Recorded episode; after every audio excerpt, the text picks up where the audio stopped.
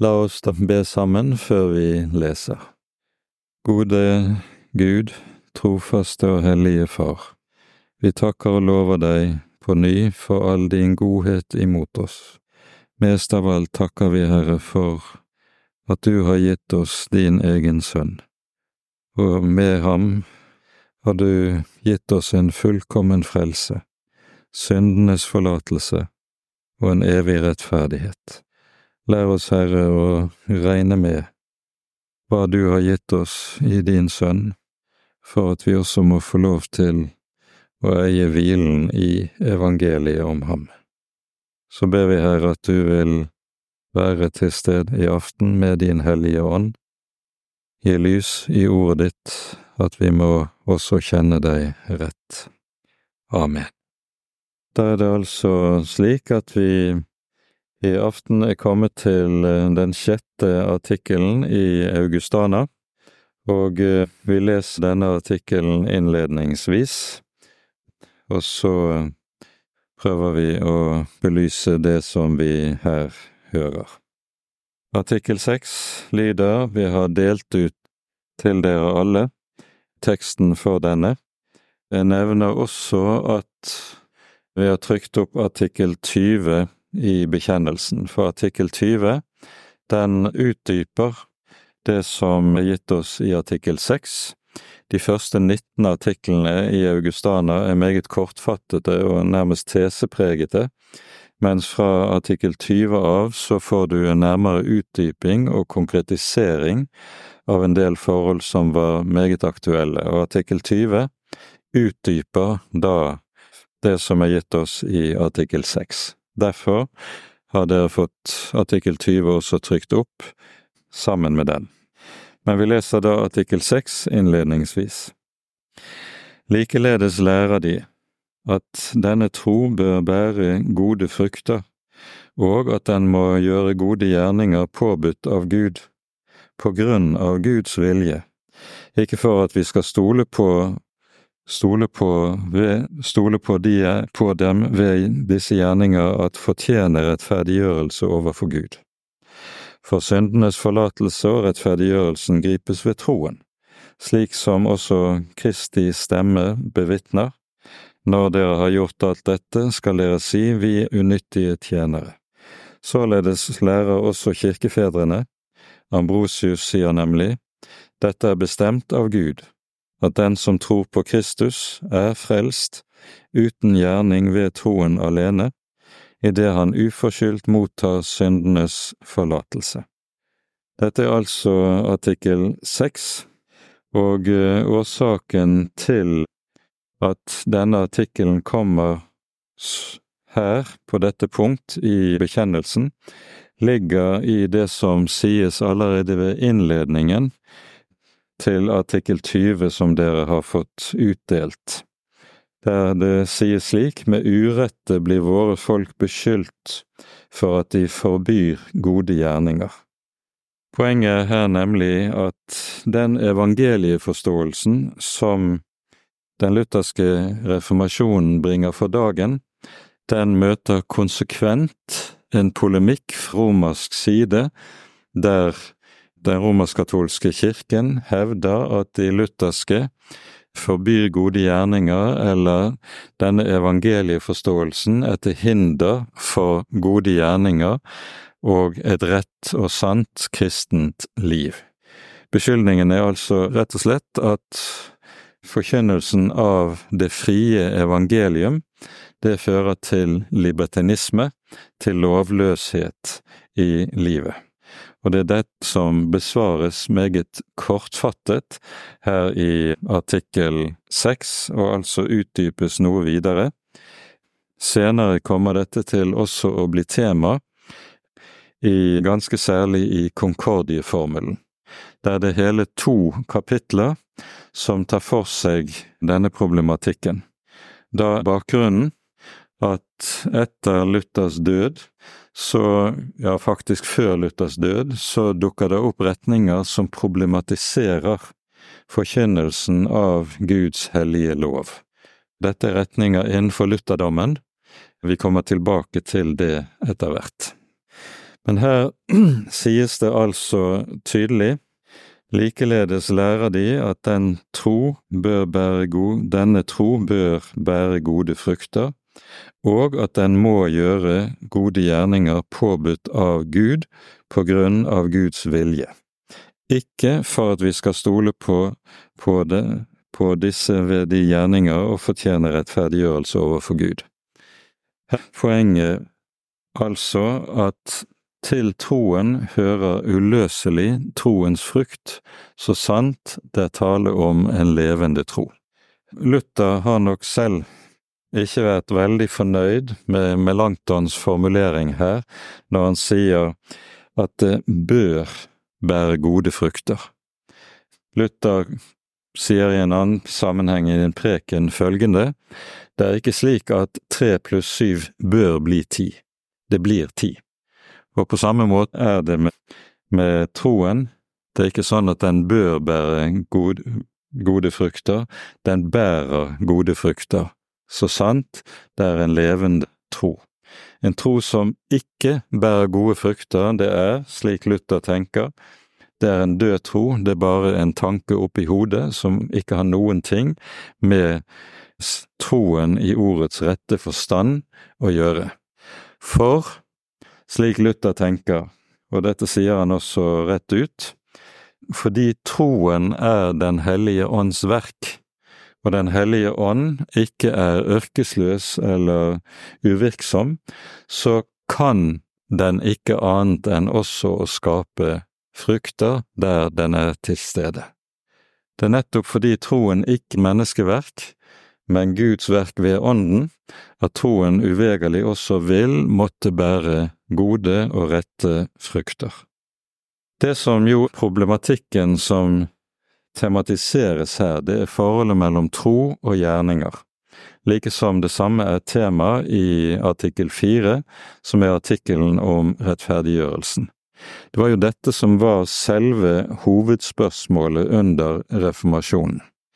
Og eh, der grunnleggende tenkning i romersk katolsk lære at gjerningene er en del av det som er nødvendig til frelse.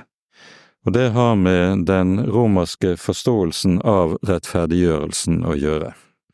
Nemlig Romerkirken forstår rettferdiggjørelsen som en helbredelsesprosess som foregår i menneskets indre, i menneskets hjerte. Og denne helbredelsesprosessen, den styrkes gradvis ved at Gud likesom inngyter nåde i menneskets hjerte, og denne nådekraften som inngytes i menneskets hjerte, får mennesket til å gjøre gode gjerninger til å søke å forbedre seg selv, søke å bli et Gud velbehagelig menneske. Og disse gode gjerninger, som altså utvirket av en nåde som så og så er innsprøytet i hjertet, de lar Gud tjenet fungere som fortjenestefulle. Og Derfor er det også slik i romersk teologi at begrepet fortjeneste meritum helt sentralt. Mennesket kan fortjene frelsen i kraft av de gode gjerninger som Gud hjelper det til å gjøre, og fordi det er Gud som hjelper mennesket til å gjøre disse gjerningene, så skal man takke Gud for at de virker til fortjeneste. Men det er altså slik at det er en involvering av mennesket i kraft av disse nådevirkningene som skjer i menneskets hjerte, som gradvis fungerer som en helbredelsesprosess. Og denne helbredelsesprosessen fører da til at mennesket blir mer og mer hellig i seg selv. Det er hele tiden tale om en prosess som foregår i menneskets eget hjerte og i menneskets eget indre. Og nettopp på dette punkt er det at den lutherske forståelsen av rettferdiggjørelsen bryter helt radikalt med Romerkirkens måte å tale på. For rettferdiggjørelsen, slik som Det nye testamentet taler om det, ikke en prosess som foregår i menneskets hjerte. Det er i det hele tatt ikke noe som foregår i menneskets indre overhodet. I stedet er rettferdiggjørelsen noe som skjer i Gud. Det er en Guds domshandling, der Gud selv frikjenner en synder fordi synden er sonet, straffen er båret av Guds egen sønn. Rettferdiggjørelsen er altså noe som skjer i Gud, ikke i menneskets hjerte. Og fordi dette er noe som skjer i Gud, er det noe som fullkomment, mens dersom det er noe som skjer i mennesket, er det noe som alltid vil være stykkevis og gradvis. Derfor lærer Romerkirken også, slik vi har talt om tidligere, at et menneske her i tiden aldri vil kunne bli fullkomment rettferdig og hellig, det vil alltid gjenstå noe i denne helbredelsesprosessen som skal foregå gjennom hele livet. Men det er noe som også skjer med et menneske når det blir rettferdiggjort. Mennesket blir født på ny, og den nye fødselen, den utvirker det som vi kaller for helliggjørelse, og er noe som skaper frukter i et kristent menneskes liv. Og her er det nettopp tale om noe som skjer i mennesket selv. Men den helliggjørelsesprosess som Guds hellige ånd virker gjennom gjenfødelsen, det er altså ikke noe som er grunnlag for frelsen. Grunnlaget for frelsen er alltid den rettferdiggjørelsesdom som skjer hos Gud, og det, endres, det er noe som ikke endrer seg så lenge mennesket lever her i verden. Om jeg har levet 50 år som kristen, så er det fortsatt ikke slik at det er min helliggjørelse som blir grunnlag for mitt barnekår hos Gud. Det er ikke min helliggjørelse som blir grunnlag for at jeg kan ha håp om å bli stående i Guds dom når jeg skal møte for dommen på den siste store dag. Der er det ene og alene Kristi rettferdighet som er gitt meg i rettferdiggjørelsen. Helliggjørelsen, den har ingenting å si som grunnlag for frelse. Og Derfor er helliggjørelsen heller ikke noe som et kristent menneske skal stole på eller se hen imot for å finne trøst. Skal vi ha trøst, så finner vi det ene og alene i det som skjer, har skjedd utenfor oss, i Kristi person. Men det er altså slik at det skjer også noe med mennesket selv i og med gjenfødelsen. Og dette som skjer med mennesket selv, det innebærer en helt ny stilling i forhold til Guds hellige lov, som er en åpenbaring av Guds vilje. Det gamle mennesket, det ugjenfødte mennesket, det har Guds hellige lov.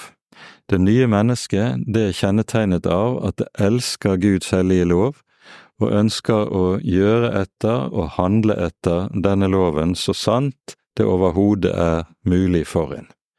Og her er det slik at ånden villig, men kjødet er skrøpelig, som Jesus sier til disiplene i Getsemane. Mennesket lever, det frelste mennesket, det lever nemlig i en dobbelthet. Det frelste mennesket to personer på en og samme tid, samtidig synder og rettferdig. Og det nye mennesket, det rettferdiggjorte mennesket, det har lyst til Guds hellige lov, men, slik Paulus skriver i Romerbrevets syvende kapittel, det ser en annen lov i sine lemmer, som stritter imot Guds lov, og som har til virkning det som Paulus beskriver i Romane syv, det gode som jeg vil, gjør jeg ikke. Det onde som jeg ikke vil, det gjør jeg. Slik er det fordi en kristen er samtidig synder og rettferdig. Det vi skal merke oss i hele den polemikk som kom til å utspinne seg i forholdet mellom Romerkirken og den lutherske reformasjonen, det er at den katolske polemikken, den forbanner uttrykkelig læren om at en kristen er samtidig synder og rettferdig. Likeledes forbannes uttrykkelig det som sies i eh, denne artikkelen, at det, de gode gjerninger ikke hører med som en del av rettferdiggjørelsen. Poenget her er altså at de gode gjerninger, det skal forstås som troens frukt, ikke som troens rot. Og det å blande disse to ting sammen, det er det som fører mennesker ut i enten dyp anfektelse, slik som Luther opplevde det i kampårene sine før han oppdaget hva som ligger i evangeliet, eller det leder et menneske ut i veldig egenrettferdighet. Dette er en av de to konsekvensene av misbruk av Guds hellige lov. Hvis vi nå ser litt på teksten her i artikkel seks, så står det altså at troen bør bære gode frukter. Vi hørte Luther sin kommentar til dette, og at den må gjøre gode gjerninger påbudt av Gud. Og med det så adresseres det, uten at det her nevnes, det som kom til også å være et kjempeproblem under reformasjonen, nemlig at den romersk-katolske teologien påbød en hel mengde gode gjerninger som var rene menneskepåfunn, og som ikke var befalt av Gud. Og dette er altså omtalt i artikkel 20 i første avsnittet som dere har fått. Det står i eh, siste setningen i det første avsnittet følgende, den romerske forkynnelsen, de oppfordrer bare til barnslige og unødvendige gjerninger som for eksempel visse helligdager og fastetider, brorskap, valfarter, helgendyrkelse, rosenkranser, munkevesen og lignende. Intet slikt er det påbud om i Guds hellige ord. Dette er menneskepåfunn, og dette er noe av den skarpe lutherske polemikken. Den handler om nettopp at menneskene kommer til å overse det som er Guds egentlige påbud om når det gjelder de gode gjerninger. Det handler om de ti bud, rett og slett, mens man i stedet har funnet på en hel masse andre gjerninger som skal være særlig hellige og viktige. Alt det gjøres det rent bord med eh, under reformasjonen. Dere vil alle kjenne til hvordan et menneske som kom til skriftemål etter å ha bekjent sine synder dersom det var synder av som ble regnet som alvorlige på en eller annen måte, så ville en bli ilagt ulike slags botsgjerninger for å godtgjøre det som en hadde falt ned i av synd. Og disse botsgjerningene kunne gå fra alt til å be Fader vår av Maria 20 ganger, til å måtte for eksempel dra på pilegrimsferd til Roma eller til Jerusalem eller til Nidaros, for den saks skyld. På den måten skulle mennesket selv godtgjøre sine overtredelser, og dette var en grunnleggende del av den romerske botstenkningen, og disse Botsgjerningene ble regnet som særlig fortjenestefulle, på den måten kunne man gjøre godt igjen det som han hadde, hadde gjort ondt. Og det er dette som ligger i det som sies her i artikkel seks, at man skal gjøre gode gjerninger som er påbudt av Gud, ikke slik som er påbudt av mennesker. Og så legges det til på grunn av Guds vilje. Og her legges det til i artikkel 20, hvis vi også ser det første avsnittet her. Det, det sies at reformatorene har skrevet om de ti bud og lignende som viser at de har lært gagnlig om alle livsforhold og plikter, hvilke stillinger og gjerninger som er til glede for Gud i ethvert kall. Og her berøres noe som er helt, også er helt sentralt i den lutherske reformasjon, nemlig det som det store hovedspørsmål, hvor er det et menneske skal ut den Guds vilje som er forelagt oss i de ti bud? Jo, det skal du gjøre i ditt kall. Og kallet er tredobbelt, sånn som det tegnes for oss i de lutherske skriftene. Det handler om et menneskes daglige liv, for det første i familien, for det andre i forhold til sitt arbeid, og for det tredje også i forhold til øvrigheten, der en skal også gjøre sine plikter. Dette er ethvert kristent menneskes kall. Det er for eksempel å dra på pilegrimsferd til Santiago de Compostela den gang. Det ville koste et menneske et års minst et år på reise. Hvis vedkommende som ilegges dette, var en far eller mor, så ville vedkommende svikte det som var det Gud pålagte kall han eller hun hadde i forhold til sine barn og til sin familie. Da vil en forlate kallet, og altså ikke gjøre de gjerninger som Gud har pålagt en. For det er i kallet gjerningene skal utføres.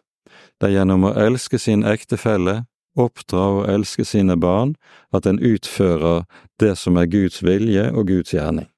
Det samme gjelder på arbeidsplassen. I sitt arbeid det er der nestekjærligheten skal utøves. En skomaker som lager gode sko til de som kommer til ham, og ikke krever ublu pris for sitt arbeid, han utøver nestekjærlighet gjennom dette helt praktiske og alminnelige arbeid. Og nettopp fordi lutherdommen tenker slik, så sier Luther også i noen sammenhenger at de gode gjerninger har ingen navn. Det handler bare om at du gjør din plikt overfor din neste, og du gjør din plikt med glede, og ikke prøver å verken å berike deg på hans bekostning eller utnytte han til egen vinning. Det er grunnleggende i hele den lutherske måten å tenke på. Og så handler det dermed om det helt enkle, de skal gjøre gjerninger som er påbudt av Gud på grunn av Guds vilje. Og så fortsetter det ikke for at vi skal stole på at vi ved disse gjerninger kan bli rettferdiggjort for Gud. Og her røres det ved et annet poeng som også er helt sentralt i Luthers måte å tenke på, når han taler om det kristne livet. Han er inne på dette allerede i skriftet om et kristent menneskes frihet, der han peker på at de gode gjerninger er ikke noe du skal komme til Gud med, det er ikke noe du skal gi til Gud. Gud trenger det ikke, Gud vil ikke ha det, det er de neste som trenger de gode gjerninger. Du skal ikke gjøre noe for å oppnå et eller annet hos Gud, for det har vi blitt befridd for gjennom evangeliet om Jesus. Han er vår rettferdighet. Du behøver ikke, og du kan ikke ved noen god gjerning, øke din rettferdighet, gjøre den mer fullkommen. Tvert om, slik at dersom du tenker at du kan øke din rettferdighet gjennom noen som helst god gjerning, så er det å vanære Kristus. Det er å si om Jesus at det han gjorde, det er ikke nok til frelse. Og det vanære, ja, det sies sågar et par steder i de lutherske skrifter at dette er blasfemi. Så sterkt understrekes det, og Paulus understreker jo nøyaktig samme sak i Galaterbrevet når han sier i slutten av kapittel to, Jeg akter ikke Guds nåde for intet. For dersom rettferdigheten var å vinne ved loven, da var jo Kristus død forgjeves. Så grunnleggende er dette, og eh, slik tenker altså formatorene om denne sak. Det er min neste som trenger mine gode gjerninger. Og så lenge jeg er her i verden, så skal jeg i mitt liv leve til beste for min neste, uten tanke på at dette har noe som helst å si overfor Gud. Og Derfor er det også at ordene i Lukasevangeliets 17. kapittel siteres her i artikkelen. Det sies for syndenes forlater og rettferdiggjørelsen gripes ved troen, slik som også Kristi røst bevitner. Når dere har gjort alt dette, skal dere si, vi bare unyttige tjenere.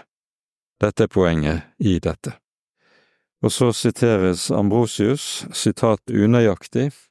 Det er egentlig ikke kirkefaderen Ambrosius, som var biskop i Milano, som har sagt dette, men en herre ved et lignende navn som heter Ambrosiaster. Men det har lite å si. Han hører også med blant de kirkefedre som siteres med å tillegges autoritet av middelalderens teologer. Det vi er inne på her, det er en problematikk som ikke bare var aktuell og som meldte seg under reformasjonen i forbindelse med den teologiske utviklingen som skjedde i den katolske middelalder. Men dette er en tematikk som vi også møter i Det nye testamentet.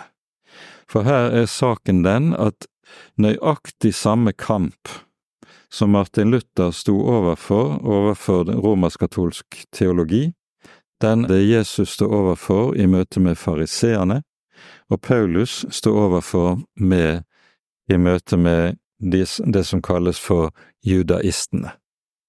Slik at det som skjer under reformasjonen, det blir dermed også en gjenoppdagelse av hele dette som må sies å kunne være noe av et hovedtema i Det nye testamentet, og som kommer til syne i Jesu stadige sammenstøt med fariseerne, slik som vi leser om det i evangeliene. Her skal vi kanskje minne om Jesu ord i Matteusevangeliets 16. kapittel, en tekst som ikke er så hyppig sitert, for den hører ikke med til noen av de ordinære prekentekstene i tekst som er satt opp i tekstrekkene i kirkeåret, men den ganske så betydningsfull tekst i denne sammenheng. I Matteus 16 står det sånn fra vers 6. Jesus sa til disiplene, Se til å ta dere i vare for fariseernes og sadukeernes surdeig. De tenkte ved seg selv og sa at det er visst fordi vi ikke har tatt med brød. Men Jesus visste det og sa, Dere er lite troende. Hvorfor tenker dere ved dere selv at det er fordi dere, dere ikke har tatt med brød? Og så minner han om brød, de to brødundrene som omtalt tidligere i evangeliene, og så kommer det i vers 11 og 12. Dere må da skjønne at jeg ikke snakket til dere om brød, men ta dere i vare for fariseernes og saduseernes surdeig. Da forsto de at han ikke hadde ment at de skulle ta seg i vare for surdeigen i brød, men for fariseernes og saduseernes lære. Og nøyaktig den samme lære og det samme bildet er det som anvendes i Galaterbrevet. Og i Galaterbrevet kapittel fem kalles nettopp den samme lære som fariseerne sto for, og judaistene sto for, den kalles for en surdeig. Og surdeigen, surdeigsbildet, forstår vi. Surdeigsbildet, det peker på det at hvis det, surdeigen får ligge i fred, så vil den etter hvert gjøre en virkning som gjennomsyrer alt. Derfor må surdeigen ut hvis man skal hindre dens gjerning. Og på samme måte må det Paulus minner galaterne om, og Jesus minner disiplene om, på samme måte må det gjøres tydelig og klart opp med den lære som gjør gjerningene til en del av grunnlaget for frelsen. Det er den surdeig disiplene formanes til å vokte seg for, og nøyaktig samme surdeig er det galaterne formanes til å ta seg i vare for. I kapittel 15 i Matteusevangeliet hører vi en annen side ved Jesu oppgjør med fariseerne, som også er parallell i forhold til det lutherske oppgjør med Romerkirken. Her handler det om de ulike slags menneskebud som var kommet til den skriftlige lov gjennom fariseernes forkynnelse og virksomhet. Avsnittet strekker seg fra vers 1 og frem til og med vers 20, og Jesus gjør altså opp med alle de ulike menneskebud. Og det som er bakteppet for det vi hører her i det femtende kapittel i Matteusevangeliet, det er at fariseerne har den lære, jeg tror vi har pekt på det tidligere, at Moses mottok to slags lover da han var på Sinai. Han mottok først den skriftlige lov, det er den som er oss overgitt i de fem Mosebøkene. Dernest mottok han den muntlige lov, og den muntlige lov det er den som gis, går fra munn til munn gjennom historien, og som fariseerne så på seg selv som voktere av. Den muntlige lov inneholder for det første det som ble sett på som utleggelse av den skriftlige lov, og en rekke tilleggsbud og tilleggsforskrifter som jødene på Jesu tid var pålagt som forpliktende. Denne muntlige lov, det kalles, vi kaller det gjerne for tradisjon, i Det nye testamentet kalles det for fedrenes forskrifter. Denne muntlige lov anerkjenner Jesus ikke som forpliktende. Og det er denne muntlige lov som Jesus adresserer og korrigerer i bergpreken, når han sier Dere har hørt det sagt, men jeg sier dere. Jesus korrigerer ikke Moseloven, han korrigerer ikke Mosebøkene, men han avviser den muntlige tradisjon som fariseerne tok vare på som forpliktende for folket. I jødedommen er det slik at denne muntlige tradisjon til slutt nedskrives ca. år 200 etter Kristus i boken som heter Mishnah, og som utgjør stammen i Talmud. Men poenget er altså at Jesus ser på denne muntlige tradisjonen, fedrenes forskrifter, ser på dette som ikke forpliktende, det er menneskebud. Og fordi det er menneskebud, så siterer også Jesus i den sammenheng Jesaja-bokens 29. kapittel, der Herren sier til folket, Dette folk ærer meg med sine lepper, men deres hjerter er langt borte fra meg, for de dyrker meg forgjeves i de kommer med lærdommer som menneskebud. Middelalderens katolske kirke, den gjør nøyaktig det samme rent typologisk som fariseerne representerte på Jesu tid. Man etablerer en tradisjon og en tradisjonsoverlevering som anses som autoritativ på linje med Den hellige skrift. Det menneskebud, akkurat som fariseerne lærte menneskebud, og på denne måten så har du en meget tett parallell, hvis du skal se på det rent religionsfenomenologisk, mellom fariseismen på Jesu tid og romersk-katolsk teologi på Luthers tid. Det er det samme fenomen man står overfor. Begge deler reformasjonen avviser det på samme måte som Jesus og apostlene avviser fariseernes tradisjonsbegrep. Dette er viktig å være klar over. Det Jesus altså gjør i bergprekenen, det er at han griper tilbake til den skriftlige lov. Og nøyaktig samme sak er det den lutherske reformasjon gjør, den feier til side alle disse tilleggsbud og menneskebud som var kommet, og peker på at det som de gode gjerninger, det er det Gud har befalt, nemlig de ti bud. Og de ti bud, de sammenfattes i, altså i kjærlighetsbudet, for slik som Det nye testamentet tenker, og sånn som reformasjonen tenker, så er de ti bud ikke noe som oppheves av kjærlighetsbudet eller modifiseres av kjærlighetsbudet. De ti bud er bare en konkretisering av kjærlighetsbudet, hvordan kjærligheten skal leves ut. Slik at den typen argumentasjon som en ofte hører i våre dager, at kjærligheten skal oppheve det ene eller det annet eller det tredje av Guds bud, det er stikk imot slik som Det nye testamentet tenker og lærer oss. Reformasjonen den lærer altså veldig tydelig at et, dersom troen en sann og levende tro på evangeliet, så vil den ha frukter. Den vil bære frukter. Frukter som kommer til uttrykk i at et kristent menneske søker på alle områder av livet å etterleve Guds ti bud, søker på alle områder av livet å etterleve og realisere kjærlighetsbudet.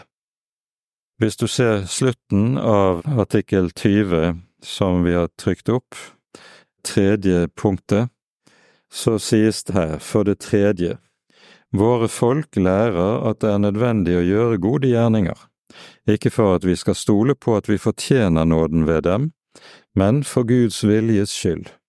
Bare ved troen griper synsforlatelsen og nåden. Fordi Den hellige ånd mottas ved troen, blir hjertet fornyet og ifører seg nye tilbøyeligheter, slik at de kan bære frem gode gjerninger.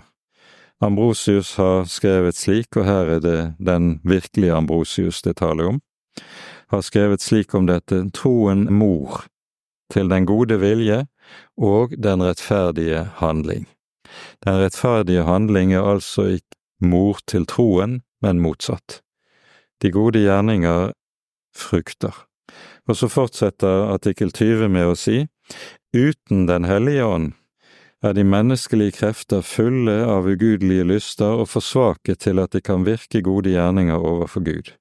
Dessuten er de i djevelens makt, han som driver mennesket til alle slags synder, til ugudelige meninger og åpenbare forbrytelser. Dette kan vi se hos filosofene. Selv om de prøvde å leve sømmelig, kunne de likevel ikke få det til, og ble utskjemt av mange og åpenbare synder. Slik er menneskets svakhet når det er uten tro og uten Den hellige ånd, og bare styrer seg selv med menneskelige krefter. Her beskrives altså i de siste setningene det ugjenfødte mennesket. Som nevnt så tas denne problematikken som vi her er inne på, også opp i Konkordieformelen. Og her to kapitler, først kapittel fire, som handler om de gode gjerninger, og dernest kapittel seks, som handler om lovens tredje bruk. Og eh, bakgrunnen for at dette er tematisert det er at det allerede på Luthers tid dukket opp teologer som mente at ut fra en rett skjelning av lov og evangelium, så skulle loven ikke forkynnes for troende mennesker, den skulle bare forkynnes for uomvendte mennesker. Det var en som hadde vært en nær medarbeider, Luther Johannes Agricola, som blant annet forfektet slike standpunkter, og kunne for eksempel si at loven skal ikke forkynnes i kirken, men på rådhuset. Vi leser ganske kort fra innledningen til kapittel fire i Konkordieformelen. Her står det sånn. I noen menigheter er det oppstått to slags stridigheter om læren om de gode gjerninger. For det første er det oppstått et skille mellom en del teologer i forbindelse med det som det er tale om i det følgende. Den ene part har skrevet Gode gjerninger er nødvendige til frelse. Det er umulig å bli frelst uten gode gjerninger. Og så, fortsatt, ingen er noen gang blitt frelst uten gode gjerninger. Den annen part derimot har skrevet Gode gjerninger er til skade for frelsen. Og så får vi disse to ulike grupper tegnet for oss den diskusjon og polemikk som foregikk. Så fortsetter det her slik. For det andre er det også oppstått et skille mellom en del teologer i forbindelse med de to ordene nødvendig og fri. Den ene part har hevdet at man ikke skal bruke ordet nødvendig om den nye lydighet, som ikke springer frem av nødvendigheten av tvang, men av en frivillig ånd. Den annen part har holdt fast ved ordet nødvendig, fordi denne lydighet ikke beror på vårt virkelige valg. De mennesker som er gjenfødt, er tvert om skyldige til å yte den nye lydighet. Ut fra denne diskusjonen om ordene har det senere oppstått en strid om selve saken. Den ene part har hevdet at man overhodet ikke skal forkynne loven for de kristne, men formane folk til gode gjerninger bare ut fra det hellige evangelium. Den annen part har motsagt dette.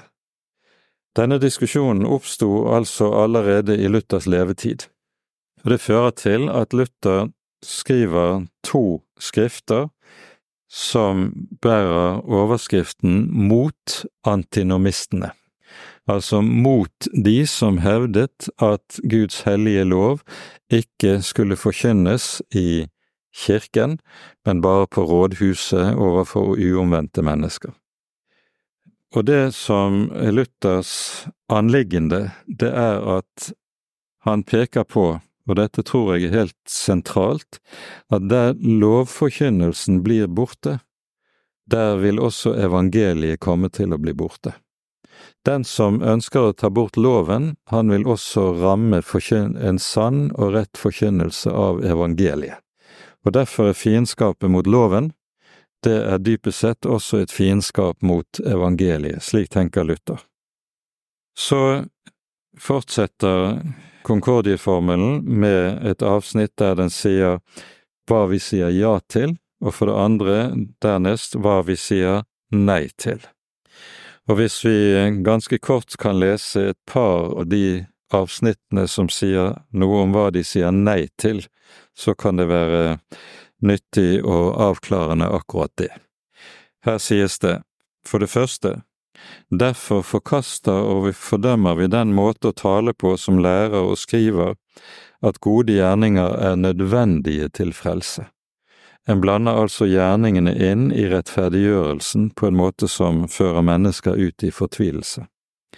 Likedan at ingen noen gang er frelst uten gode gjerninger, og at det er umulig å bli frelst uten gode gjerninger. En slik tale har Det nye testamentet imot seg, hva med røveren på korset? Han hadde ingen mulighet til å gjøre godt igjen noe av det han hadde forbrutt, likevel, uten noen god gjerning så får han del i hele frelsen. For det andre, vi forkaster og fordømmer også selve dette uttrykk som anstøtelig og skadelig for den kristne tukt, det at det blir sagt at gode gjerninger er skadelige for frelsen. For, fortsetter det, og legg merke til hvordan de uttrykker seg, Særlig i disse siste tider er det ikke blitt mindre nødvendig å minne folk om kristen tukt og gode gjerninger, og om hvor nødvendig det er at de øver seg i gode gjerninger for å vise sin tro og takknemlighet til Gud, enn å advare mot at gjerningene blir blandet inn i artikkelen om rettferdiggjørelsen.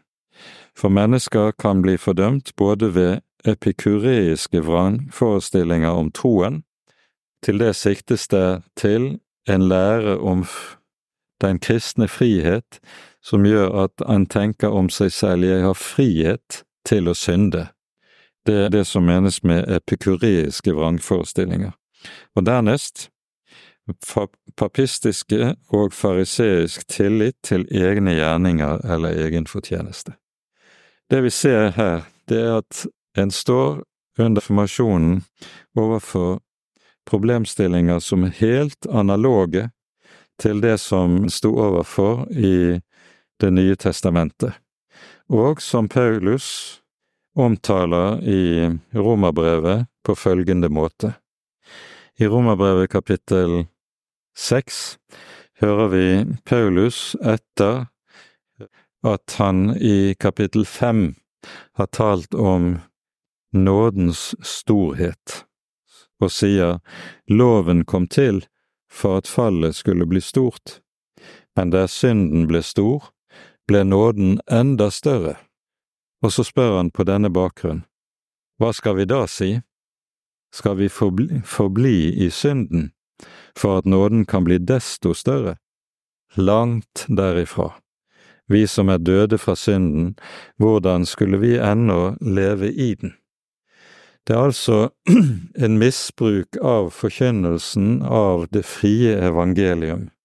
Det at vi rettferdiggjøres for intet uten gjerninger, ene og alene på grunnlag av Kristi forsoning og rettferdighet, det er en misbruk av denne forkynnelse å tenke at dermed totalt og revnende likegyldig hvordan vi lever, vi kan leve sånn som vi selv vil. Nei, for evangeliet betyr, dersom evangeliet får være, får gjøre sin gjerning i et menneskes hjerte, da betyr det da jeg er forenet med Kristi død og oppstandelse. Å være forenet med Kristi død betyr at da er jeg død fra synden, for å leve for rettferdigheten. Og dette er det så Paulus utlegger videre i kapittel seks. Samme problematikken er berørt også i det tredje kapittelet i Romerbrevet. Sier Paulus følgende i vers åtte, skal vi ikke da like gjerne gjøre det onde for at det gode kan komme av det, slik vi spottes for, og som noen sier at vi lærer, rettferdig er den dom som rammer slike. For evangeliet om friheten i, fra loven, det betyr ikke frihet til å leve etter sine egne lyster. For dess det underlige i Det nye testamentets forkynnelse om en kristen, et kristent menneskes frihet, nemlig det å være død fra loven. Det er forutsetningen for å bære frukt for Gud. Dette sies uttrykkelig i Romerbrevet kapittel syv. Mine brødre, sies det i vers fire, mine brødre, slik døde også dere fra loven, ved Kristi legeme, for at dere skal tilhøre en annen, han som ble reist opp fra de døde, så vi kan bære frukt for Gud. Dette kan synes som et veldig paradoks. En kristen er død fra loven, en kristen er fri fra loven, men denne frihet fra loven, det er den som er betingelsen for at den kan bære frukt. For loven, den tvinger frem gjerninger som ikke er frukter, men produkter av at en står under lovens tvang. Evangeliet gjør noe annet, det frir et menneske fra loven slik at det spirer frem noe nytt, og dette spirer organisk frem av troen på Jesus i evangeliet, og kalles derfor frukt, og disse frukter beskrives nærmere i en rekke sammenhenger i Det nye testamentet ellers. Og det er dette Jesus også har tematisert i Johannesevangeliets femtende kapittel, der han taler om seg selv som vintreet og oss som grenene, og sier Bli i meg. Dersom dere blir i meg, da bærer dere megen frukt. For frukten, den henger sammen med og spirer organisk frem av livssamfunnet med Jesus. Og dette livssamfunnet med Jesus, det kan ene og alene skapes ved forkynnelsen av evangeliet. Det skapes ikke av loven, det skapes av evangeliet. Og så er det Jesus altså sier i tilknytning til dette, uten meg kan dere intet gjøre, og det betyr helt konkret at alt det et menneske gjør uten Jesus, intet. Og med det tror jeg vi kan sette punktum for gjennomgangen av denne artikkel seks i bekjennelsen.